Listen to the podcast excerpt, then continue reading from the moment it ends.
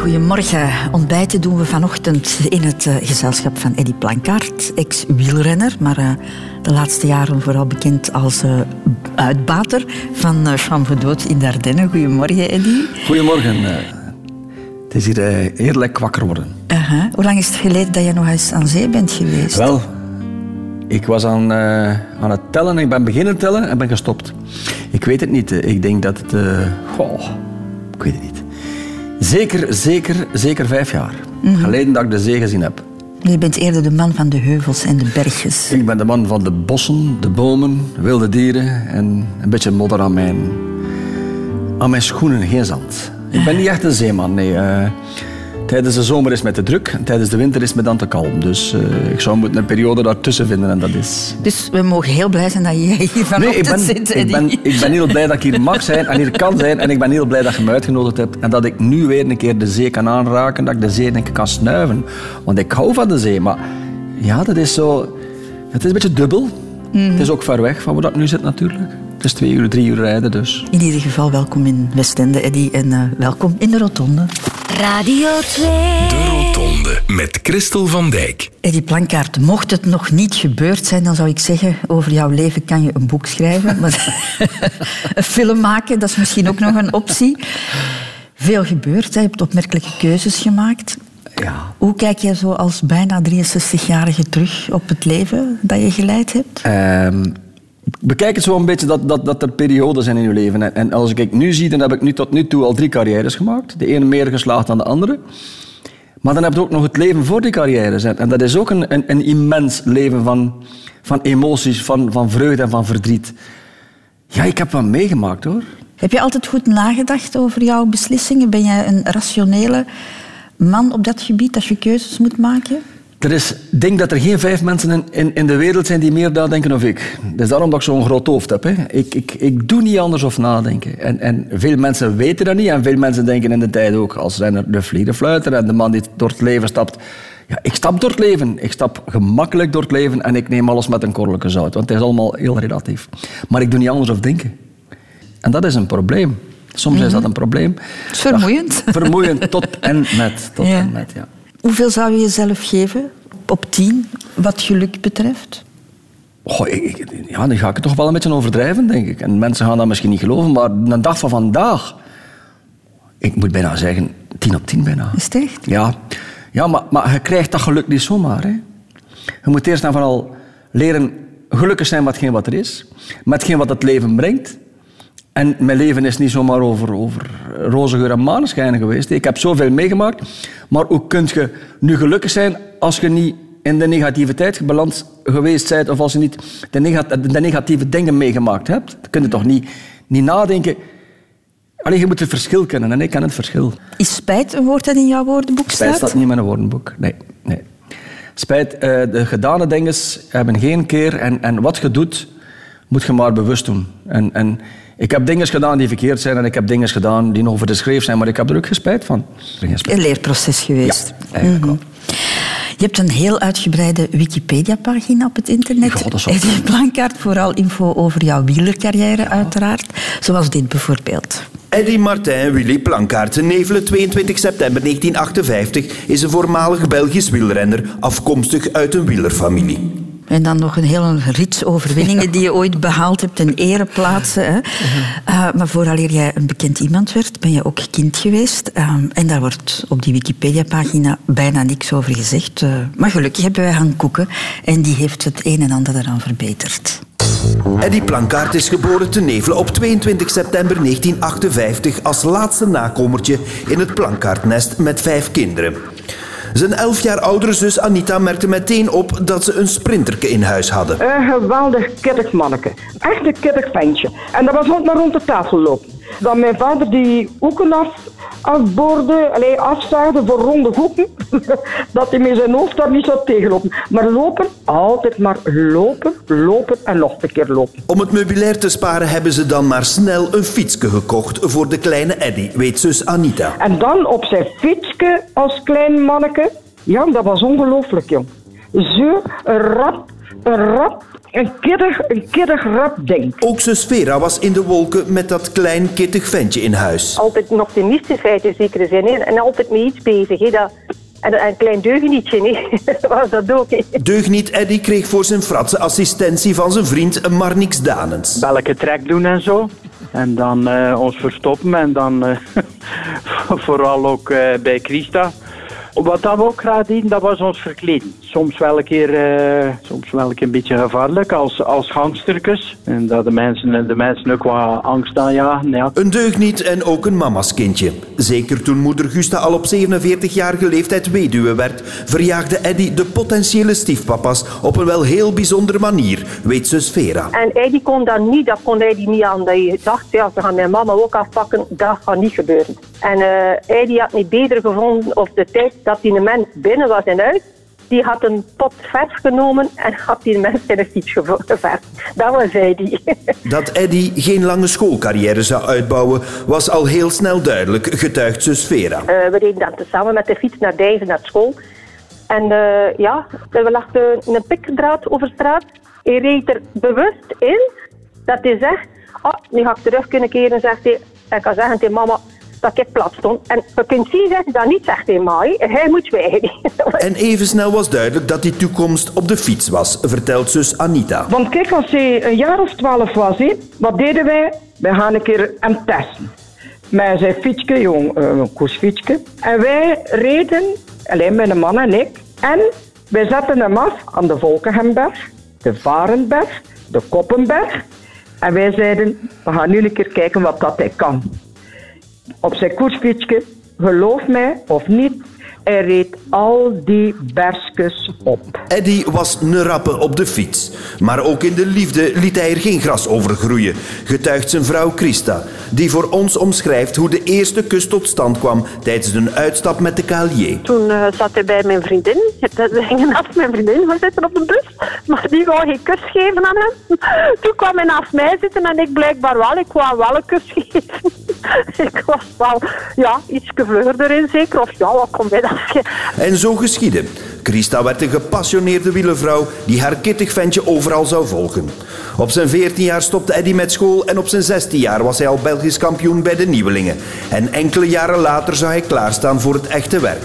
En zijn naam definitief in de wielergeschiedenisboeken laten schrijven.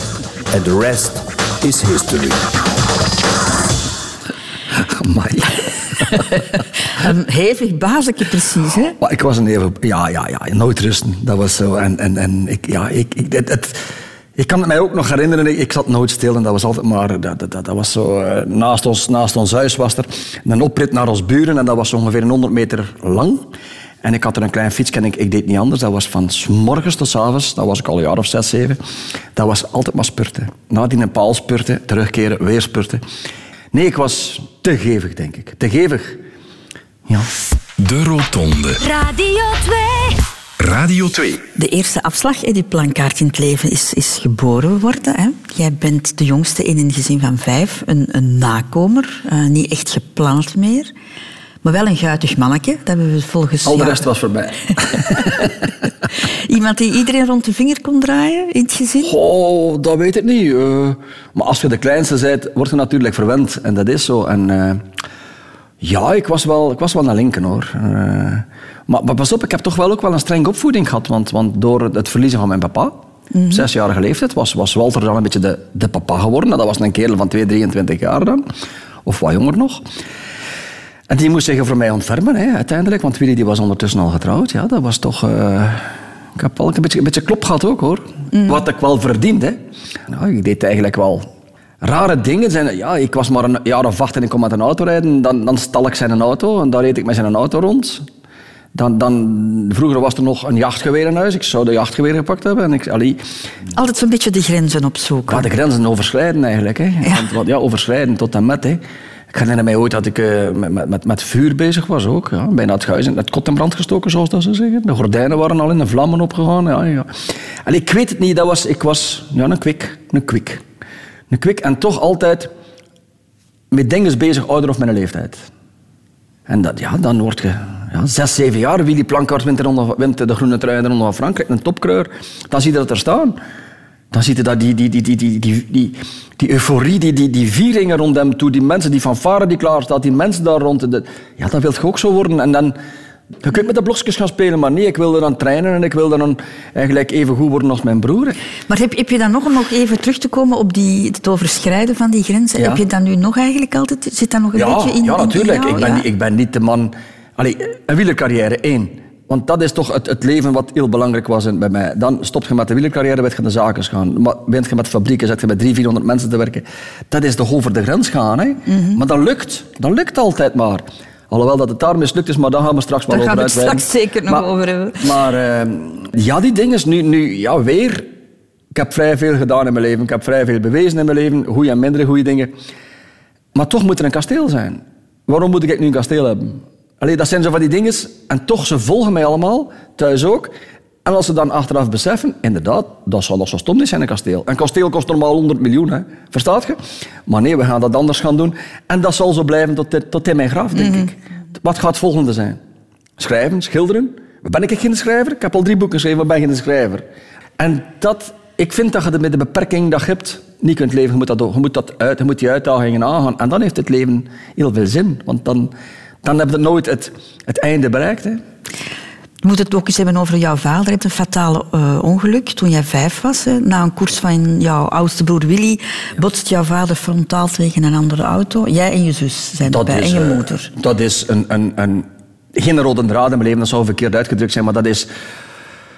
Je moet dat gaan uitleggen, en bijna een trauma in je leven. Hè. Dat is een trauma geweest voor mij, want ik heb dat, zwaar moeten, ik heb dat zelf moeten overwinnen. Hè, want er waren nog geen psychologen en geen, geen dokters die daarvoor... En, nee, dat was in de tijd de jaren 60. Maar je moet rekenen als je klein manneke bent. En ik ga een lang verhaal kort maken, ik kan daar een jaar over praten uiteindelijk. Maar dat was een koers in Curaçao en door omstandigheden was ik achteraan gaan zitten in een auto, dat waren nog geen gordels, waar dat ik normaal altijd op mijn moeder aan de schoot zat in een tijd. En daar was een vriendinnetje meegereden van de buren. En ik zat achteraan met mijn zus om samen wat te spelen. Ik was dan zes jaar oud. En Willy wint die wedstrijd in Curaçao. En wij hadden een familie wonen in Curaçao. Mijn moeder haar zuster. En die zei, kom nog een boterham eten na de koers. Hè? Dat was. Maar wij moesten met dat meisje naar huis. Dus wij voeren dat meisje eerst naar huis, terug naar Nevelen. En we keren terug. En in de terugweg gebeurt het. Ik blijf gelukkig achteraan zitten, anders was ik, was ik er niet meer. Nu. Maar dan moet je die... die, die dat, dat, ik kan het nu vertellen zonder, zonder emotioneel te worden. Want het is, het is nog niet gemakkelijk. Maar je moet dan rekenen dat je zes en negen jaar zit. En mijn zus en ik zitten daar in die auto. Geen gsm's, dat is zo donker als ik weet niet wat. En ineens... Een frontale botsing. Andere kant meisje dood. Hè. Wij vliegen naar vooruit. Ik, ik heb lichte schade aan mijn hoofd. Vera ook. Wij zijn licht gewond. Maar dat was daar een drama. Zwart, rook. Je weet niet wat dat je ziet. Geen huizen in de buurt. Geen mensen rond u. En dan stap ik uit. Mijn moeder wilde uitstappen, maar die valt beneden. Haar heup was gebroken, die was, haar gezicht was ingedrukt, was heel zwaar gewond. En ik ga naar de andere kant, want ik zie mijn moeder liggen. Maar de andere kant is nog veel erger. Mijn vader zit daar, helemaal bebloed. Op het stuur, zijn borstkast ingedrukt. Helemaal, helemaal, dat was, ja, die mens zat daar, dat was veel de buiten bewustzijn, allemaal bloed. En ik trek naar die mens zijn, mouw aan mijn papa. U moet mama komen melden, ze is gevallen. Aan de andere kant staat, in, dat staat daar te roken, geen, vuur, maar die, die, dat water op die motor. Allee, afgrijzelijk, afgrijzelijk. Maar papa die reageert niet. En dan zit je daar, daar sta je daar, die momenten, manneke, lief. Dat heeft een trauma geweest in mijn leven, dat beeld zie ik nog altijd. Allee, om een lang verhaal dan kort te maken, uw papa die ligt dan een jaar in het hospitaal. Daar gaat hij iedere dag naartoe. En dan sterft uw papa aan die verwonding, na één jaar, drie dagen minder of een jaar.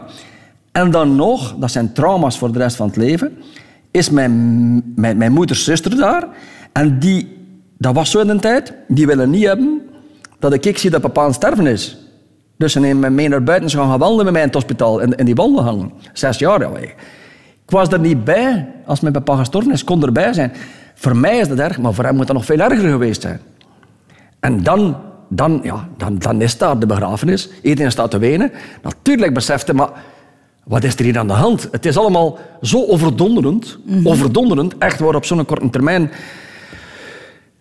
Dat je zegt, wat gebeurt er hier? En dan heb ik in, een situatie gekomen in mijn jeugd dat, dat niemand met mij weg kon. Hè. Ik, ik zag iedere avond om negen uur begon ik te bibberen en te beven en, en, alles kwam op mij af. En, en dokters kwamen bij mij, ik stond op mijn bed te dansen. Ik zag iedere keer die dood van mij waarschijnlijk. En dat is, ik heb heel, heel ernstig daaronder geleden.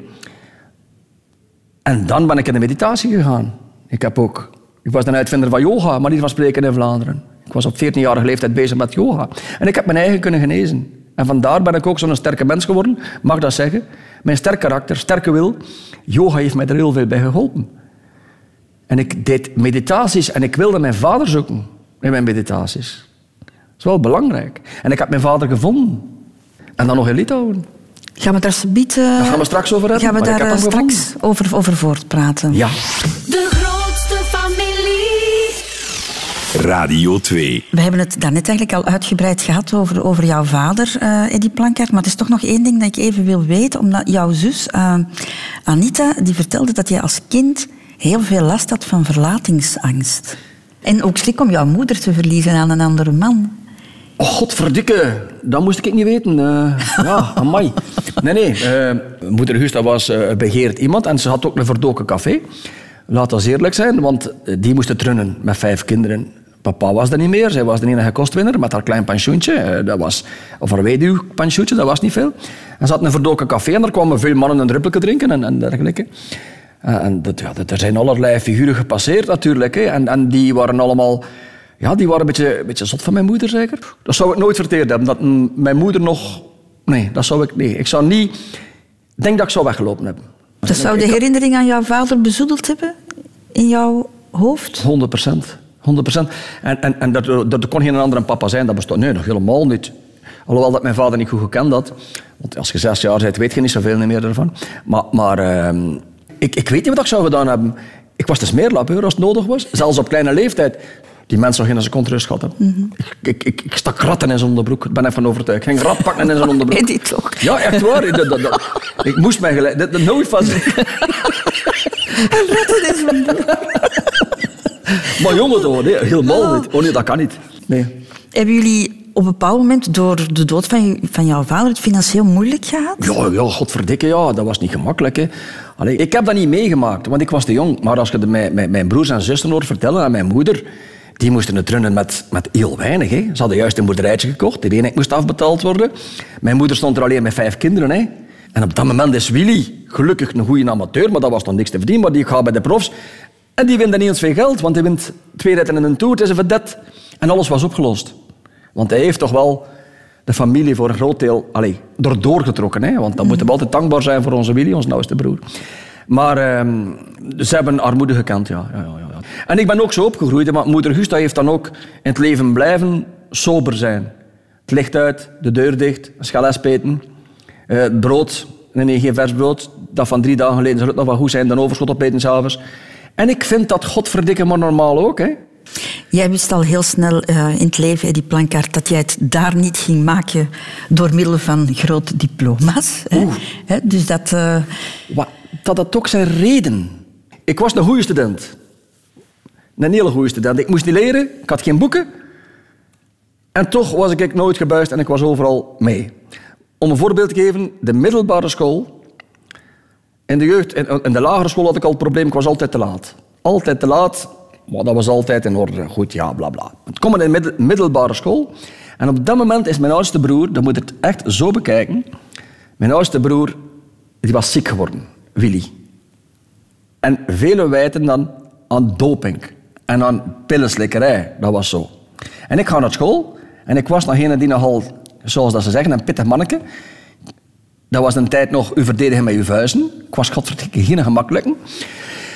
En ik moest niet anders, of toch heel veel slikken in die middelbare school van oh, je broer is een pillenslikker. Ja, hallo. Mijn broer een pillenslikker, patat, boem, patoem. Hè? Zelfs leraars. 100% zeker. Leraars die over mij, over mijn broer bezig waren en die mij probeerden te pesten. Maar mij konden niet pesten, dat bestaat niet. Godverdikke. Nee, nee, ik zou erop... Allee, ik timmerde mij een weg, om het zo te zeggen.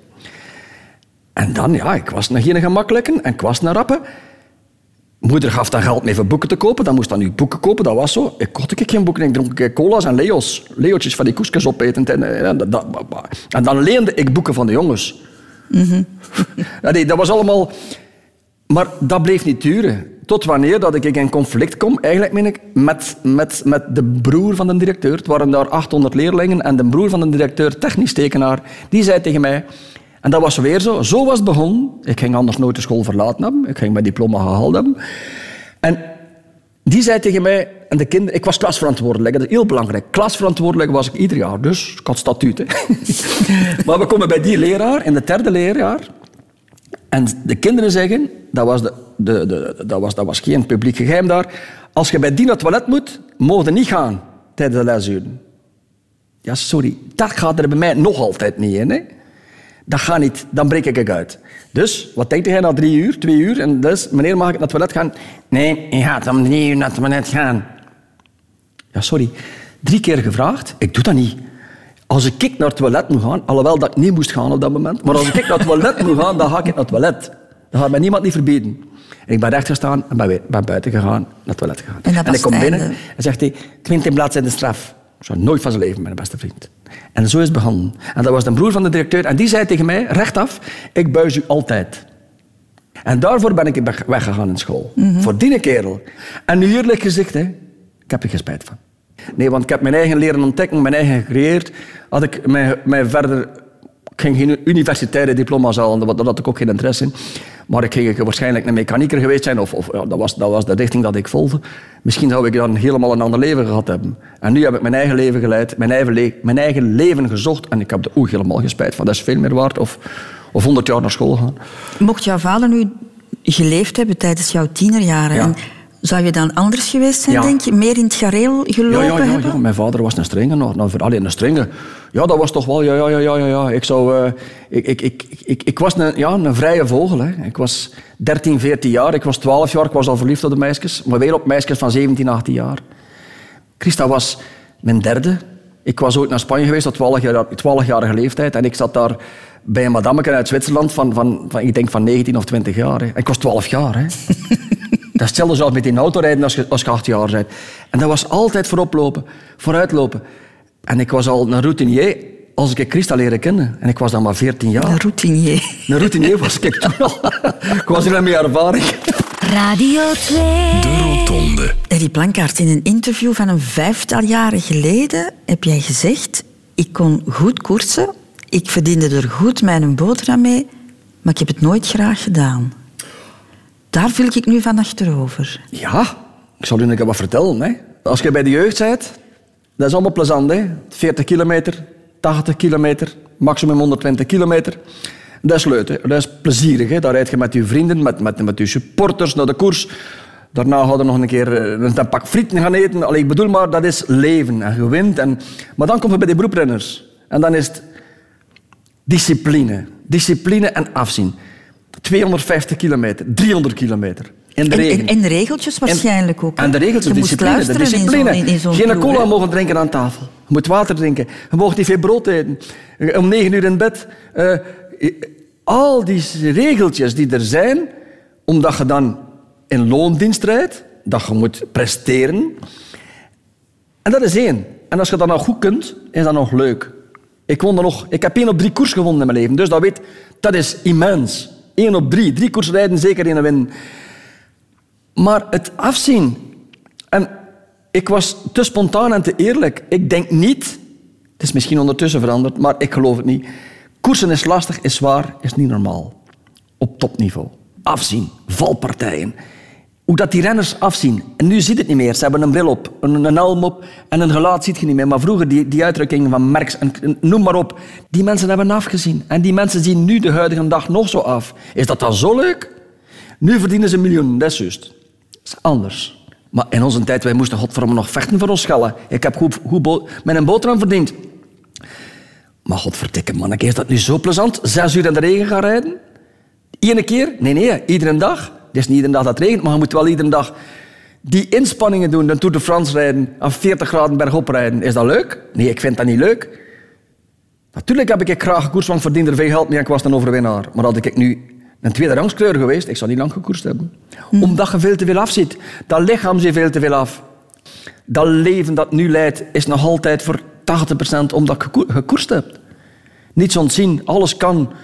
Niets is onmogelijk. Dat is kreur zijn. Maar velen gaan daar sponsorgewijs anders gaan over redeneren. Ja, koersen is het mooiste wat er is. Nee, koersen is niet het mooiste wat er is. Koersen is keihard afzien, levensgevaarlijk, want ieder jaar zijn er zoveel sterfgevallen. Koersen is naar de oorlog gaan. Nu ga ik overdrijven, maar het is wel bijna zo. Hè. In de Ja. beginjaren zeg je, omdat je dan ook heel veel Tuurlijk, bij de won. jeugd is dat plezant, Want eh, als je 60 koersen reed, bij wijze van spreken, dan won jij er eh, 55 hè, in jouw ik, ik, jonge ik heb jaren. niet verloren. Maar dat is nu echt... Je moet dan ook rekenen dat je 15, 16, 17, 18, 19 jaar bent. Dat je naar de koers gaat. Je moet dan keer voorstellen als jong klein manneke. En je weet hoe moeilijk dat is om ik één keer te winnen. Er zijn veel mensen, ze hebben een een carrière gekoerst, ze hebben drie koersen gewonnen. Die mensen zijn doodgelukkig. Ik ging naar de koers, mag dat zeggen, want dat is effectief zo. Ik begin te koersen. De eerste koers dat ik ik win. Huh? Wat is dat? Oh, dat is gemakkelijk. Zes koersen na elkaar win ik. Ik dubbel iedereen. Wat is dat hier, jong? Maar met 15 jaar, hè, zijn- 14 jaar zijn dan. Komt bij de nieuwelingen, win de vijf, 50 koersen van de 55 dat je meedoet. Maar alleen, waar zijn we mee bezig? Ja, misschien heb je het te gemakkelijk gehad En in, ja, in dat jouw is beginjaren. Dat, is een luxe juist. positie. Hè? Dat is het juist. En dan het jaar erop weer en weer en weer en weer en weer. Alleen man, op een bepaald moment dacht ik dat, dat ze mij lieten winnen. Ik meen dat echt maar dat was niet meer normaal. En dat moet je allemaal kunnen verwerken als jonge gast. En, en dan gaat het dan wel meedragen in je verder leven. En dan is misschien de reden van... Oké, ik wil altijd meer. Of, of extreme dingen gaan overwinnen. Dat zou kunnen dat die winnaar gegroeid is als klein manneke en dat je dat in het verder leven meedraagt. Dat zou kunnen. Dat kan, een, dat kan een reden zijn, maar ik heb er geen definitief antwoord op. Maar het zou kunnen. Maar dat doet wel iets met een mens, hoor. Vooral omdat je zo jong bent. Heb je er alles uitgehaald? Nee, helemaal niet. Maar toch langs de andere kant wel. Je moet het weer bekijken. Ik bedoel niet bij de beroeprenners. Hè. Bij de beroeprenners, ik zat wel met een dubbele hernia. Ik heb altijd gekoerst met een pijnlijke rug. Spijtig genoeg. Had dat er niet geweest... Ik heb dikwijls gezegd, als ik mijn rug niet had, maar dan stond mijn hoofd tot mijn kont, dat ging er ook niks zijn. Dus, maar als mijn rug nu een keer goed zou geweest zijn. Ik werd op 19-jarige leeftijd bij de amateurs, ik was toen amateur, werd ik geopereerd aan een blinde darmontsteking en dat was een aangroei naar de rug. En vanaf dan kon ik mijn schoenen meer dicht doen. In één keer. Ik moest eigenlijk mijn voet op de stoel zetten. En zo ben ik beroeprenner geworden. Want dat ben je eigenlijk maar tien jaar geweest. Dat is maar tien jaar geweest. En, en tien jaar is een hele korte carrière. Ik was eerst en vooral gevangen door een reglement bij de Belgische Wielrijdersbond. Dat, dat reglement heeft zes jaar geduurd. Je moest 22 jaar zijn om beroeprenner te worden. Ik moest beroeprenner geweest zijn op 18-jarige leeftijd. Maar ik zat met een tijd te verdoen. Ik moest gewoon 18 jaar beroeprenner terug bij die zware concurrentie. Ik werd 18, 19 jaar. Ik moest, ja, ik moest toch, kwam toch bij een koers. Ik moest niet meer trainen, manier van spreken. Ik, ik moest er niet voor leven. En dan kom je bij, de- bij de beroeprenners. Maar daar zijn ook weer allemaal goeie. Maar alhoewel, mijn eerste jaar won ik ook acht koersen. Een rit in de Ronde van Frankrijk. Allee, ik was ook direct mee. Het ging weer gemakkelijk, maar niet meer zo gemakkelijk. Maar ik moest het op 18-jarige leeftijd kunnen doen hebben. Het zou een andere carrière geweest zijn. Plus, als ze mij niet blok zetten met mijn dubbele hernia, waar ik, ben, waar ik mee gestopt ben, het, het, het kon niet anders, ja, dan zou ik nog vijf, zes jaar meegedraaid hebben aan de top en nog veel meer klassiekers gewonnen. Daar ben ik 100% zeker van. Maar goed, ik heb er alles uitgehaald. Eigenlijk wel, maar ik heb mij ook fantastisch goed geamuseerd. Hè. Renners worden soms vergeleken met een pater, hè, want die mannen eten, slapen en rusten en, en koersen, dat is het. hè. Maar ik niet hoor, echt niet. Ik heb geleefd. Zullen we de keuze opnieuw maken? Zullen we terug... De koersen? Ja. Direct. Direct. Direct. Maar eh, ja, beginnen maar. Ja, direct. Ja. Eddie Blankaart, daar straks voor negen uur hebben we het over jouw wielercarrière gehad. Hè, en het feit dat jij na tien jaar prof te zijn geweest, stopt. Wegens eh, Ja. rugproblemen. Was er een plan B op dat ogenblik? Eh, Een plan B was eh rentenieren. Dat en was- kon dat al? Ja, dat, dat zou gelukt hebben, ja. Toen al? Ja, ik had vrij goed Op verdiend. 32e? Ja, ja, ik had vrij goed verdiend en dat was... de- Het plan was uiteindelijk eh, een klein boerderijtje. Ik dacht dat je eerst toch van plan was om je ergens terug te trekken in de bergen in Spanje of in Frankrijk. Ja, maar dat was, dat was mijn droom. Dat was mijn ultieme droom. Ik, ik, ik had zoveel meegemaakt in de wielersport. In die bergen. De Pyreneeën vooral. De Alpen zijn heel mooi, maar de Pyreneeën zijn wat ruwer. En, en ik, ik, ik, ik, ik was zo'n slimme kreur. Ik liet mij bewust lossen. En dan werd ik geëscorteerd in de bergen, in de bergen hè, van een, een zwaantje, hè? een politieman, die, die u escorteerde in de afdaling, want iedere renner die moet zijn begeleiding hebben. Ik heb daar zo'n mooie dingen gezien. Als je boven komt tot in een berg, 2000, 2000, 2500 meter hoog, en dan kom je naar die afdaling, je hebt tijd. Die andere mannen zitten te geven om binnen tijd te zijn, om, om die klassement te verdedigen. Ik niet. Ik, ik genoot van de schoonheid alleen dan. En dan was mijn idee van, ik wil naar de Pyreneeën. En ik heb, dan, ja, ik heb daar, Christa tot vervelens toe, constant over gezaagd. We gaan naar de Pyreneeën. Ik ga eh, op, op een duizend meter, 1200 meter hoogte, mijn boerderij aanschaffen. En ik wil daar wonen. Maar dat is niet door. Het is niet doorgegaan. Heb ik daar spijt van? Ja, eigenlijk laatst dan één keer wel. Want ik spreek er nog over. Hè. Vergeet het niet, ik ben er nog over bezig. Hè. De Pyreneeën, die ruwe kracht. Die koeien die loslopen, die schapen, die nerder. Die boerderijen die daar zo alleen staan. Ik vind dat fantastisch. Maar het is niet, ja, het is niet gebeurd. Het is een boerderij in Poeken geworden. Het is een boerderij in Poeken geworden. Ja. Een veel te kleine boerderij voor hetgeen dat ik weer al wilde. Zeven hectare, Zeven toch? hectare. Maar ik had, binnen de kortste keer had ik 50 koeien. 50 limousins. En geen gewone koeien, limousins. Dat zijn wilde koeien. Die springen over een nadarafsluiting. Die, die, die, die, dat zijn wilde koeien. Maar waarom wou je dat doen, Eddie? Was dat de rust na... Maar dat begon met de rust. Hè. De, de, de rust, natuurlijk. Ik, ik was een beetje uitgekeken op, op, op, op alles rondom mij. Want dat was vanaf, vanaf, vanaf mijn 14 jaar stond ik in de belangstelling. Zelfs al tv toen. En overal waar je komt, zei je een kleine vedette. Je wordt overal op handen gedragen. Mensen, ik was er een beetje moe van na mijn carrière. En daarom wilde ik het een beetje terugtrekken. 32 jaar is ook niet oud. Hè. Dat is een jonge mens. Hè. Dat was dan een beetje te, te rustig. Maar- Of, of was je daar toch gelukkig? Ik was daar gelukkig, maar, maar ik zeg het, op een bepaald moment zat ik met 50 koeien op 7 hectare. Dat lukte niet meer. Maar ik was daar gelukkig, ja. Maar toch te klein. Ja, te klein, te klein. Ik moest meer ruimte hebben. Poeken was goed, was goed een, een goede overbrugging. En dan maak je een, een hele grote sprong, want dan beslis jij om in, om in zaken te gaan. Hè? Godverdikke. Ja, ik kreeg zoveel zakelijke voorstellen na mijn carrière, want ze wisten dat er wat geld zat. Maar ik was van plan nooit meer rapper te gaan dan twee per uur. Omdat het leven zo gejaagd was, en de Tour de France en alles. Ik kon daar niet meer tegen. En ik wilde mij terugtrekken. Rustig. Laat mij alstublieft gerust, laat mij mediteren. Laat mij op mijn gemak zijn. Zakelijke voorstellen gekregen, overal niet opgezegd. Tot wanneer dat er godverdikke een manneke bij ons komt. André Impe. De mens is ondertussen al een paar jaar overleden. Een meter dertig groot. Ik overdrijf nu een beetje. Een meter vijftig, denk ik. Met zo'n pak papieren. Die had al zijn papieren meegebracht.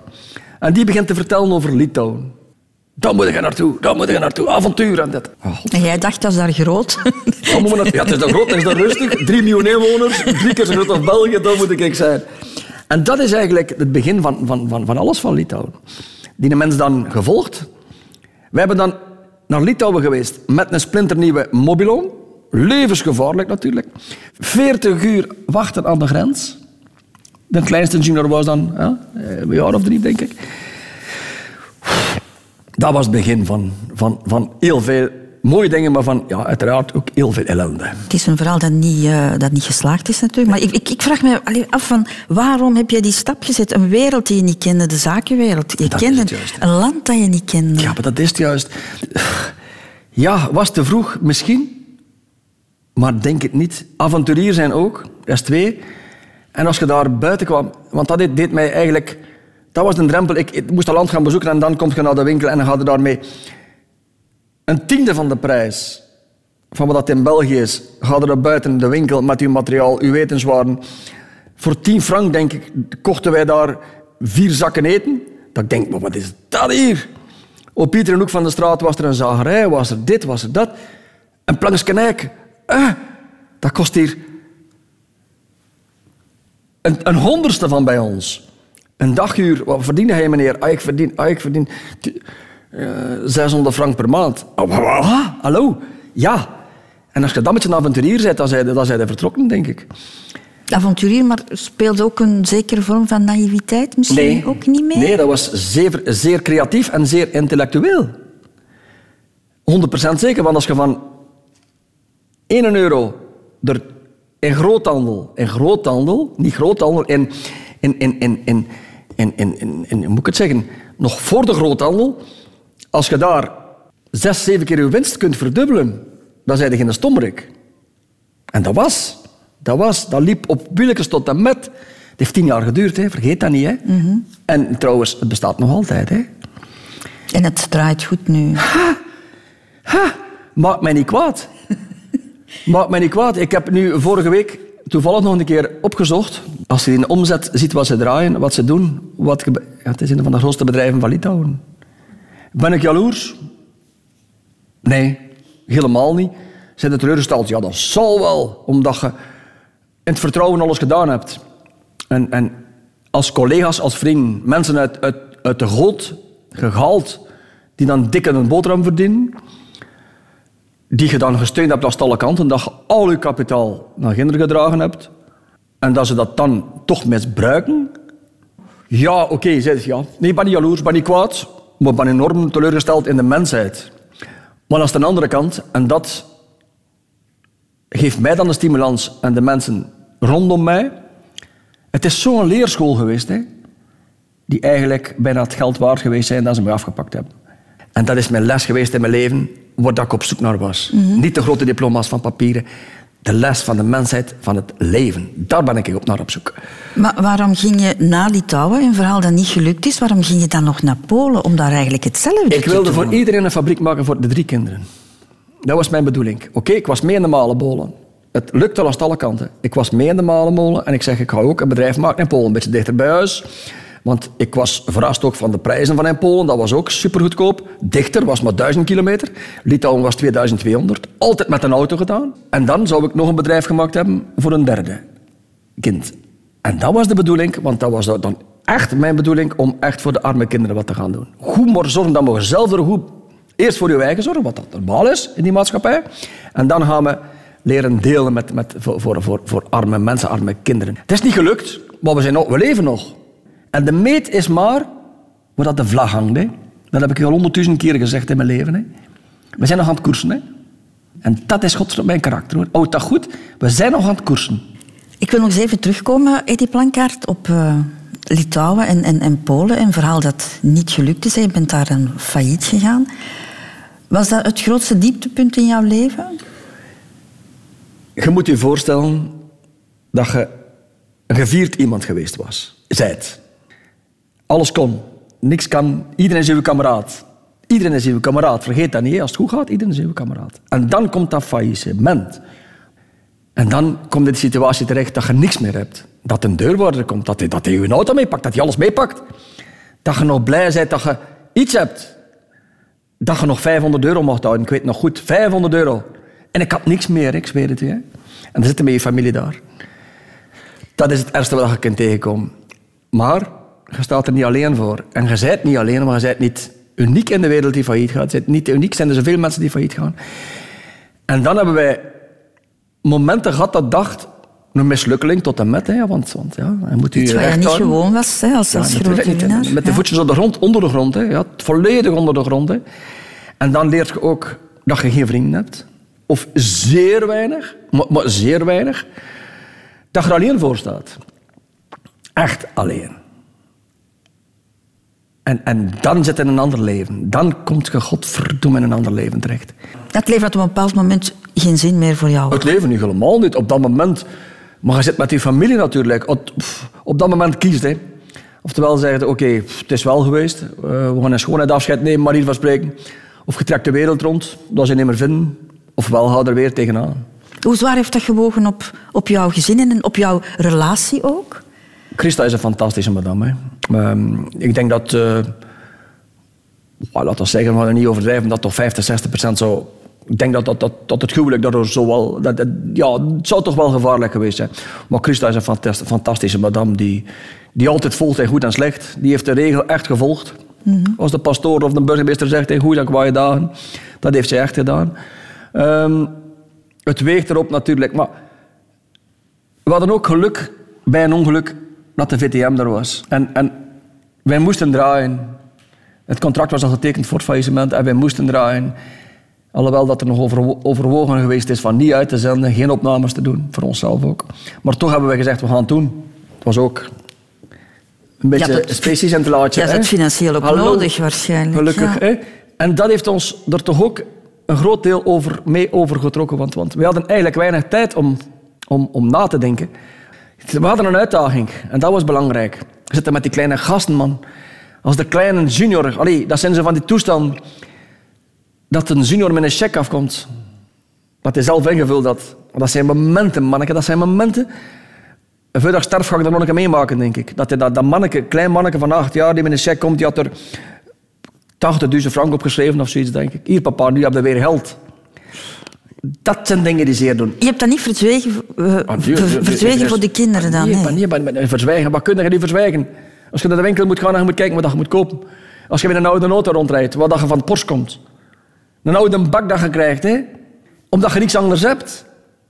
Manneke, maar dan word je geconfronteerd als, als kind. Stefanie was dan, oud was ze, 12, 13 jaar, dat was godverdikke. Nu kan ze praten zoals een advocaat en nog beter manier van spreken. Maar dat kind is ermee mee geconfronteerd geweest en dat was eigenlijk met een praatpaal. Hè. Het is een verkeerd woord, paal, praatpaal. Zij sprak in op mij, Stefanie. Als je dan je eigen kind, je, zijn papa moet redden. En, en jongen, godverdikke. Ik heb dat meegemaakt. Allee, ik niet alleen, mijn, mijn familie heeft dat meegemaakt, maar, maar ik was dan ja, ik was dan de oorzaak daarvan. Dus dat moet ook verwerken. Hè. En, en dan eh, de docusoap is eigenlijk een beetje jouw therapie geweest dan? Ja, je zat met andere mensen. Mensen die je weer graag zagen. Want je was, ik was verlaten in de wereld. Ik, ik, ik, ik moest op niemand niet rekenen. En dan de VTM, dat gezegd, de mensen daar, de cameramensen, de groep was daar. Dat was gezellig. Je leert nieuwe mensen kennen, er komt geld binnen. Je hebt weer een leven. Vergeet niet, ik ga dat toch zeggen. Ik ging ooit, en dat was, heeft mij zo geraakt. Heeft altijd gevraagd, ik heb het al gezegd in een interview, heeft niet gereageerd, ik kan nog een keer zeggen. Verschuren. Zomers en Verschuren. In een tijd van het faillissement. Ik werd daar gevraagd. Weet je wat die mens deed? Die gaf mij 250 euro in een envelopje. En dat ben ik nooit niet vergeten. Luc Verschuren, waarom moest die mens dat doen? Die kijkt me aan, uit, hier zegt dat van mij en van de kinderen. Ik zeg, allee. En ik was blij dat ik die 250 euro kreeg. Kun je je voorstellen? Dat zijn dingen, dat vergeten nooit. En anderen met, met, met, grote, grote muilen. En een tetter van hier en van daar. Niks, joh. Niks. Niet dat dat nodig is, maar op zo'n moment, het doet wel deugd. Het doet wel deugd, hè. Maar godverdikke, jongen. De plankaars heeft dan twaalf jaar gelopen, dacht ik. Hè? Dat is toch... eh, Eh, tien jaar. of, of tien jaar gelopen? Tien jaar, ja. Mhm. ja. En 120 afleveringen ongeveer, denk ik. In totaal, ja, zoiets. En nu zijn jullie terug bezig met een, met een, eh, met een, een, een docusoap hè, op 1 uur, Chateau Plankaart. En dat is hetgeen wat ik niet goed begrijp in, in jouw beslissingen, Eddy. Om, we hebben het er al heel de tijd over gehad. Je- na jouw carrière wou jij je terugtrekken in de bergen, weg van alle drukte, geen schijnwerpers meer. Eh, het publiek dat jou opeiste was allemaal te veel. En in de laatste jaren doe jij niet anders als in die schijnwerpers lopen. Dat is toch een beetje contradictorisch. Ja, ja, ja, maar het is een ander niveau. We hebben de plankaarts gehad. De plankaarts was leuk, was nodig. Was echt nodig. Gelukkig is dat daar geweest. Dat was een goede suikernonkel, begrijp ik. Zeg het altijd zo. Goed geïnvesteerd, goed gedaan. Oké, dat is één. Nu, tien jaar stilte. Alhoewel, tien jaar stilte. Nog altijd bij Karel van Nieuwkerken als, als, als analist met Sporza. Maar dan komen de plankaart. eh de Chateau Plankaart. Hallo. We hadden drie vereisten, en vooral mijn vereistes. De mensen moesten er iets kunnen van uit leren. Dat is nu een groot woord natuurlijk. Maar de mensen moeten een goed gevoel krijgen. Je komt van niks. Je hebt eigenlijk alles meegemaakt. Helemaal diep gezeten. Terug opgebouwd. Met een familie die die warmte is. Waar dat zoveel ruzie is in de wereld. Waar dat zoveel armoede is in de wereld. Waar dat zoveel bedweterij is in de wereld. Hebben wij negativiteit wil ik bewijzen met Chateau Plankaart dat het allemaal mogelijk is als je maar positief ingesteld bent, blijft doorgaan en waar een wil is, is een weg met je familie. En dat is een boodschap dat ik wil geven, want de drie eisen die, die, die ik had was, het moet een warme tv zijn, het moet positief zijn en er moet een gevoel, zeker een gevoel van respect zijn voor elkaar. En daarvoor heb ik mijn familie, want ik ben het niet alleen nu. Hè.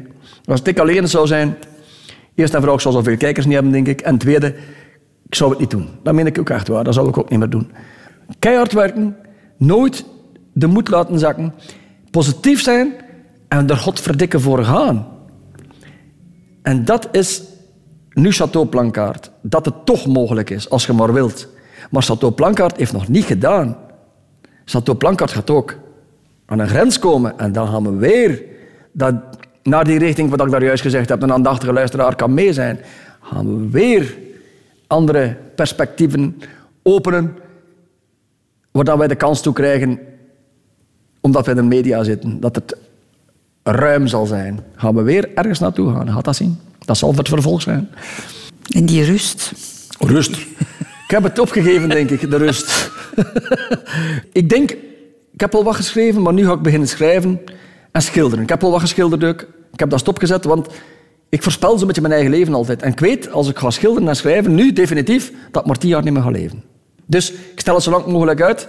Alhoewel dat ik wil, ik wil nu. Ik wil schrijven en ik wil schilderen weer. Maar dan is het, dan, ik denk, denk dat dat dan het einde is. Radio 2. Dit is Radio 2. Zullen we eens een beetje filosoferen over de liefde, beste Eddie Plankaart? De liefde, jongens. De liefde, natuurlijk. Wat is er mooier dan de liefde, hè?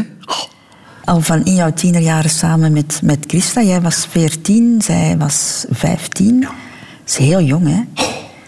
Ja, dat is verliefdheid, hè. Dat noemt verliefdheid, want is er mooier dan die verliefdheid, hè. Dan, dan, Maar dacht, dacht jij er ook over na als, als tiener? Zo van wat is liefde? En, en had jij een bepaald ideaal ook eh, voor ogen? Ja, natuurlijk. Ik, ik wilde van, van, van kleins af al eigenlijk snel trouwen en, en, en, en, en desnoods 10, 12 kinderen krijgen. Hè. Ik was van, van toen al, hè. Ik was een grote familie. Ik, ik vind dat zo gezellig dat je aan tafel kunt zitten als grote familie. Wat dat ook liefde is, hè. want het is niet alleen de kriebeling in de buik en de seks die, die belangrijk is. Natuurlijk is dat belangrijk en heel belangrijk. Maar, maar de liefde is ook elkaar graag zien en, en, en, en, respect. Het woord van mijn moeder dat ze mij geleerd heeft, nooit vergeten. Respect, dat is nogal het allerbelangrijkste. Verdraagzaamheid, water bij de wijn en ga maar verder en ga maar verder. En wat kun je dat doen? Dat kun je maar doen met iemand dat je heel graag ziet. Want water in de wijn doen, als je niet goed smaakt de wijn, is dan niet, ga je geen water bij doen. Dus er zijn veel huwelijken en, en menages waar dat niet goed gaat. Hè. Maar de echte grote liefde, ja. Ik ben een gelukkig mens hoor, ik heb ze gevonden. En wat is echte liefde? Ja, die kriebels in de buik. Eén, het goed gevoel, samen wandelen aan de, aan de zee. Ja, inderdaad. Maar daar komt veel meer bij kijken. Als ik er een ruzietje is, als ik er dit is en dat is. Water bij de wijn, zo belangrijk. Zo belangrijk. Respect voor elkaar. En de kleine dingen leren appreciëren. Die de, de negatieve dingen die er zijn. Hoe, hoe ben je omgegaan met de moeilijkere momenten in een huwelijk? Want dat is in elk huwelijk zo, hè? Ik denk dat dat vooral voor Christa is. Die heeft een beetje moeilijkere momenten gehad in haar leven met mij. Maar, maar, maar ik heb nooit met Christa... Allee, Ik heb een wondervrouw. Ik heb, ik heb nog geen, geen enkel moeilijk moment gehad met Christa. Dat is onvoorstelbaar. Ik, soms denk ik dat het heilige maagd Maria is, Maria van spreken, omdat ik christelijk opgevoed ben. Nee, maar dat is echt waar. Dat is... Ik kan me niet herinneren dat ik zeg met Christa, nu, nu, nu, nu, nu is het echt... Nee. Maar je hebt er ooit al wel eens op gealludeerd. Hè? Je had heel veel charisma als, als jonge gast. Hè? Vrouwen vielen op jou, je had succes. Er zijn overal verleidingen. Hè? En dat is het juist. En, en, en als, je dan, als de liefde dan niet sterk genoeg is, dan gaan ze naar de, je weet wel, de Filistijnen, dat ze zeggen. Nee. Ja, want waarom ben je... Dat klinkt nu misschien raar, maar waarom ben je gebleven? Waarom heb je Oh, altijd joh. voor thuis gekozen? Omdat voor het echte liefde gekozen? is. Echte liefde. En, en, en met Christa pakt mij alles af, maar, maar dan niet. Hè. Dan, dan, dan is het ook over. Hè. Dan, is het, dan is het ook gedaan, het leven. Hè. Maar Christa, jongen, allee. Oh, ik, ik- er, is maar, er is maar één... Ik ga het nu alleen stom vergelijk misschien. Als we spreken van die Merks, dan zeggen gelden, maar er is maar één Merks. Hè. Er is maar één Christa. Hè. Eén Christa. En Christa, ja... Kan ik het niet genoeg zeggen? Dat is een mens, zo'n warm mens die, die, die gevoel heeft voor, voor alles wat er is. Is dat nu euforie? Is dat geluk? Is dat extreem? Christa blijft altijd hetzelfde.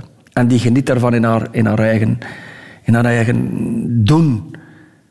En wat ze meegemaakt heeft met mij, ze trekt dat in de positieve zin. Want het is niet altijd negatief. wat bedoel je wat ze meegemaakt heeft met Maar mij? Dus de, ja, de ik, hele... ik was ik nogal, zoals dat daar juist zegt, eh, madams, aan ieder, aan ieder hand waren er vijf manieren van spreken. Hè, en knappe madams. Maar dat is normaal als je in die kijker loopt. Je zit een vedette, je zit er... Ga niet zeggen dat het nou zo'n schone was, maar... Allee, meisjes vallen daarop. En het vlees is zwak. Dan moet je toch toegeven dat het vlees zwak is. Trek dat dan in de positieve zin. Moet je dan een vrouw bedriegen constant? Nee, helemaal niet. Maar je moet er kunnen mee leven, hè, man. En daar gaat er veel huwelijken door kapot. En Christa kan er allemaal mee leven. Christa heeft daar geen probleem mee om op de tweede rij te staan in de, in de schaduw te staan. Toen in de, der tijd, zij was daar allemaal voor bereid en ze heeft dat altijd gerespecteerd en in de positieve over, over omgebouwd. Want het is is natuurlijk spannend geweest. Maar dan nog, dan nog, dan heeft zij precies het gevoel, en dat is niet slecht in het leven ook, ik heb wel iets verkeerd gedaan. En, en, en daarom moet je niet gaan, gaan kloppen en gaan roepen en gaan smijten met pot en pan. Geef dat gevoel dat jij dat verkeerd gedaan hebt. Versta je? Dat is al veel belangrijker. Want ik moet er wel verder mee, zij niet. En dat is Christa. Christa, die begrijpt... Niet dat je jaar laat zollen, want dat is zo geen gemakkelijke bedameur. Ik heb ze nu genoeg bestoefd, hè, ze gaan meeluisteren straks. Ik heb ze nu genoeg bestoefd. Maar, maar Christa is ook een kordate, uh, fiere madame. Hè. Maar uh, zij weet dat er meer in het leven is of, of gewoon ruzie maken en, en, en, en, en om kleine dingen uit elkaar te gaan. Heeft het ook te maken met verantwoordelijkheidsgevoel, Eddie? Dat je zegt van, ik, Ja. ik, ik ben geen man die mijn gezin in de steek zou laten? Ja, 100 procent. Ja, dan, dan liever dood. Hè. Ja, dat, is, dat, dat, groeit, dat is altijd maar meer en meer gegroeid. Hè. Als je de kinderen dan hebt. Ja, voor de kinderen, eh, dat, dat, is zelfs geen discussie over. Hè. Dat, is zelfs, eh, dat, wordt, dat is een goede vraag dat je stelt, maar ik ga je kort antwoorden, daar is geen discussie over. Als er met de kinderen niet zou zijn, of kleinkinderen, oh nee, nee, ik ben de eerste. eh. Ik vergelijk het altijd een beetje... Stel dat, dat er morgen moet gevochten worden. Allee, om, om, om, wat extreme moet... Ik zoek altijd extreme. Tegen een wolf of tegen een beer. Ik ga vechten tegen die beer voor even om tegen wie. Alhoewel dat er veel sterker in de familie zijn waarschijnlijk. Maar ik ga vechten tegen die een beer. En die beer moet mij dood doen. Ik ga hem dat ook zeggen. Hij moet mij dood doen, en anders gaat het niet lukken. Versta je? En dat is mijn verantwoordelijkheidsgevoel. Dus alles wat erachter is, is minder. En daarvoor kom ik ook overal op. Overal. Vader is verantwoordelijk. Zo ben je ook opgevoed, denk ik. Hè? Ja, Hm? 100 procent. Jullie beginnen heel snel aan kinderen. Hè? Je, bent, je bent getrouwd op je 21ste en Francesco is geboren toen jij 24 was. Kan dat, als ik goed gerekend heb? 22, hè? denk ik, of 23. Eh, t- Francisco is geboren het eerste jaar... bij- Ja, 22. 22? Ja, ja, 22, ja.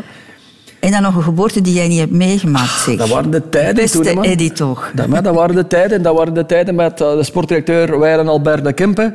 Ik zat in Parijs-Nice. En Christa beviel de eerste dag, of de tweede dag dat ik in Parijs-Nice zat. En dat was niet een toestand van, waar heb ik er over een tweede gaan naar huis. Dat was zo niet vroeger. Als jij dan toen naar huis ging, dan mocht jij thuis blijven. Maar ik heb dan gewonnen. Maar in een tap gewonnen in Parijs-Nice. En een dag nadien ook. En bloemen opgestuurd. en bloemen opgestuurd. En ik weet nog goed, dat waren geen gsm's. hè. Dat was allemaal niet. En dan, de eerste keer dat ik eh, Francesco gezien heb, was na een dag of vier, denk ik. Op een Polaroid. Weet je nog? Van die grote bakken. Een foto nemen. en dan kwam hij eruit. Zo'n klein, klein foto. Dan een foto of drie. Eh, eh, ergens in Frankrijk zie je dat de eerste keer uw zoon. Ah, hallo zeg. Dat is inderdaad... Hij was er niet bij. Ja, inderdaad. Ik was er niet bij. En had ik er nu moeten bij zijn, hè, dan spraken we er niet over vandaag. Dat ging niet te sprake komen bij de eerste geboorte van Francesco. Nu, ik was er niet bij en ik heb er al honderdduizend keer aan herinnerd geweest en honderdduizend keer op geantwoord. Ik was er niet bij, nee. En wel, wat is er nu schoon om een foto te krijgen? Trek dan weer een positieve. Uw madame zien afzien, een randje vasthouden. Dat zijn toch maar vieze bedoelingen. Heel mooi in uw leven, maar toch, als je daarbij staat. Dat fotootje van mij, midden in Frankrijk, dat is de romantiek. Tien dagen wachten en dan zie je hem. Dat is toch ook mooi? Het verlangen is ook mooi. Voilà, het verlangen is ook mooi. Het, het, het heeft wel iets. Dus positief zijn, ook in negatieve dingen.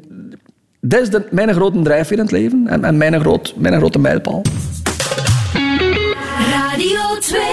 In het leven, Eddie Plankaart, moeten we ook afscheid nemen. Hè? Eh, je hebt dat een aantal keer al moeten doen. En jouw vader die gestorven is toen jij zes was. En je hebt dan ook een zoontje. Na Ja. zeven maanden zwangerschap eh, Ja. dat je verloren bent. Ja, ja we reden ehm, naar, eh, naar Maria Medlares. Er waren nog geen echo-toestanden en dergelijke, dus Christa was zeven en een half maand, denk ik, of zoiets. Ja, de- rond de zeven maanden, dus een vroeggeboorte, dat kon allemaal. Ja, dat kon eigenlijk ook gebeuren. En we reden naar Gent, naar de Maria Medlares. Het leven in de buik. Het kindje was nog actief. En dan, eh, ik weet nog goed, in die kamer moesten wij wachten tot we net de weeën begonnen en zo. En, dan- dan- en ineens was er weinig leven meer. En dan komt het, het, het, het, het, het nieuws. Nou, dan zitten natuurlijk, kijkt elkaar aan in, dat, in die bed. Wat gebeurt er hier? Wat gebeurt er hier? Zeven maanden, dat is al een, een prematureke. Hè? Gaat er allemaal wat goed zijn en goed zijn en goed zijn. En ineens is er bijna niks meer van leven geworden. En ja, En dan, dan, dan, dan, ja, dat- dan, dan zijn ze van die momenten, heel stil wordt dat. En de dokter kwam dan, en die kwam dan met slechte nieuws. Hè. En dan heeft Christa, en eh, dat was nog misschien, ja, ik weet niet wat nu het ergste is. Het is al erg. Het ergste is dat dood is. En ze heeft dan een doodskind, een dood kind gebaard. Dat is een volwaardige bevalling. Volwaardige En, baby, ja. en, en, En ik heb hem gezien. Ik heb, hem, allee, ik heb de bevalling meegemaakt.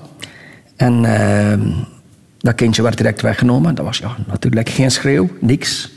Geen lawaai. Dan was er een doodse stilte in die kamer. Christa, ja, dat kind. Ja, ja, dat is ja, drama. Een moeder die, die op voorhand weet dat een dood kind moet baren. Die, die pijn moet verschrikkelijk zijn. Niet alleen de pijn, de lichamelijke pijn. Denk dat je dat niet meer voelt, maar dat je weet... Dat is hier iemand die zijn leven gelaten heeft. En eh, ja, dat zijn momenten. Wat moet ik dan gaan zeggen? Niks. Ik weet nog goed, dat kindje, dat was ja, besmeurd, uiteraard. Hè. Dat werd er genomen, dat was direct in een handdoek gepakt. En dat werd er zo op een tafel gelegd, drie meter van Christa. Aan de andere kant van, van, van de kamer. Niks stond erbij, ik mocht er nog gaan kijken. En dat voetje stond scheef. Is dat nu van, van het persen of van, ik weet het niet. Allee, ik, zag, ik denk dat niet, dat niet echt goed was. Vond je dat belangrijk om hem nog te zien? Christa vindt dat zo spijtig dat ze hem niet gezien heeft. Er is ook geen foto van. Ik vind het spijtig dat ik het gezien heb en ik vind het super, ben super blij dat ik het wel gezien heb. Ik weet het niet, dat is zo dubbel voor mij. Had ik dat moeten zien? Ja, het was een zwartje. Bruin vel, pekzwart van haar. En ja, ja, dan zit ik daar en dat zijn momenten... Wat momenten zijn dat in het leven? Wat, zijn, wat, is dat? Dan, dan, ja, ik weet het niet. Ik heb, er, heb nogal vrij veel woorden in mijn leven. Maar sommige momenten, dan heb ik geen woorden. En dan kijk je naar Christa. Die ligt er drie meter van nu. En vragende ogen. Wat is het? Hoe? Wat? Het is niet aan mij om te zeggen dan... Het is dat. Het is dat. Je weet niet wat je moet zeggen. De mensen die ervan opgeleid zijn, gaan het wel doen. Maar godverdomme, het is te straf. Het is straf. Het is erg. Het is erg, maar je moet er kunnen, ja. Je weer blijven, blijven stilstaan erbij en, en dat blijven stilstaan en blijven gaan ze leven daarmee mee. In de rouw natuurlijk, maar, maar je moet kunnen loslaten op dat vlak, vind ik. Wordt er nog over gesproken, over Roberto? Want dat is Over naam, Roberto hè? wordt nog altijd gesproken. Ja, ja, ja, om het even welk feest, om het even welke verjaardag. Want eh, mijn zuster heeft een zoon, Nick. En die heeft dezelfde leeftijd nu, dus iedere keer zijn een verjaardag. Ja, ja, ja. En, en, en, en, en Christa heeft er nog altijd, nog altijd moeilijk mee. Want nu als, als ze zitten luisteren, dan uh, gaat er zeker een traantje lopen. Daar ben ik van overtuigd. 100% van overtuigd. Ze heeft er nog altijd moeilijk mee, maar ze heeft het ook... Ja, je kunt dat niet uit je, we- uit je leven wegcijferen. Ze heeft dat geplaatst, denk ik ook. En de twee kinderen die daarna gekomen zijn, hebben waarschijnlijk heel veel goed gemaakt ook. Hè? Natuurlijk. Ja, maar je hebt dat schrik van als het derde kind dan komt. Hè. Tuurlijk. Dan heb je schrik. En het vierde kind. Maar het is zo, zo vreemd en zo raar gevoel. En onze junior, hè, onze jongste, hè. Jawel. Bruin vel, zwart haar. Dat is de, ik, ik denk dat, dat, dat het te maken heeft met... Ik weet het niet. Dat is... Ik zie het altijd. Dat, dat, dat, dat, dat, dat, dat voel ik. Dat was ook zo'n zwartje. Ja. Straf. En ik heb dan eh, van mezelf afscheid genomen. Allee, ja, moet dat een keer kunnen plaatsen. Want die lag begraven in, allee, begraven in Meigem, op een kerkhofje. En ehm, ik heb dan een pelgrimstocht gedaan. Alleen een pelgrimstocht van, van mijn geboorteplaats naar Dardenne. Dus 200 en zoveel kilometer. En ik heb dan ondertussen een boek geschreven met tien belevenissen. En toen had ik een brief geschreven aan hem. En dat vond ik... Allee, ik vind dat ook wijs, zoiets. Ik moet iets kunnen doen. Een mooie brief. En ja, nu ga ik het droog houden natuurlijk. Maar goed, gewoon proberen. Op zijn graf heb ik erbij geweest. Briefje voorgelezen, wat dat, ik weet niet wat er juist op stond. Ik wil dat ook niet... Hans, iets, was, iets moois geschreven. Ik heb dat in brand gestoken. Op het graf. En dan in de rook die wegging, ging naar de hemelse oorden. En dat is zo een beetje mijn afscheid geweest op dat moment. Maar dat was dan ja, toch veel jaren later. Hè. En ja, moet dat plaatsen. Hè. Je kunt er niet vanuit. Je kunt er niet vanuit. Het leven moet verder, hoe hard dat ook is. Maar dat sterkt de mens. Hè. Maar het is hard. Dus het is niet gemakkelijk. En we zijn niet één. Het zijn er meerdere mensen die dat meemaken. En dan leef je mee met die mensen. Maar godverdomme, jongens, positief zijn en ja, nou, we kunnen niet verder. Je hebt voor een primeur gezorgd, hè, die plankaart. Normaal gezien, hè, rond tien uur, laat ik iedereen doodgaan. Dat heb ik nog niet gedaan bij jou. Totaal vergeten. maar jij gaat het uh, eeuwige leven hebben, waarschijnlijk. Je moet er nooit aan twijfelen. Uh, ik ga daar heel kort over zijn. Uh, ik wil een confrontatie met de dood. En je moet dat doen in een gezonde toestand. Niet als je tegen een boom geplakt hangt of als je ziek bent. Ik heb de confrontatie met de dood, dus ik ben onsterfelijk. Ik ga niet dood. Je hebt er ook geen schrik van? Van de dood? Mhm. Helemaal niet. Mhm. Dat hoort bij het leven. Dat is de orgasme van het leven. Dat meen ik echt waar. Doodgaan is de orgasme van het leven. En een orgasme is leuk, hè?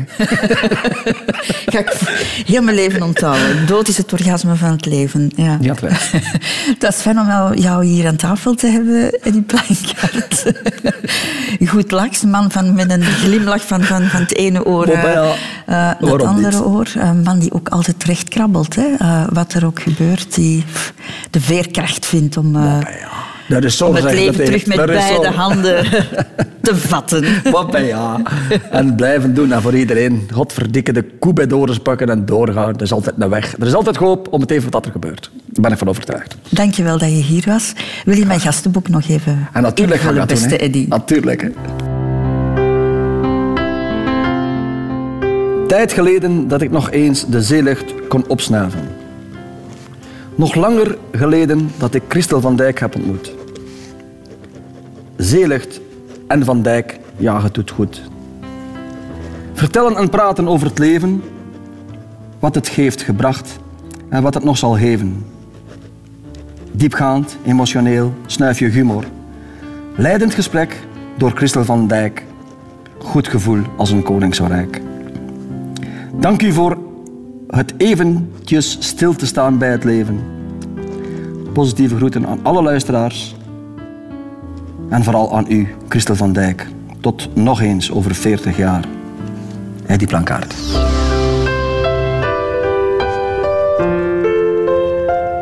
Radio 2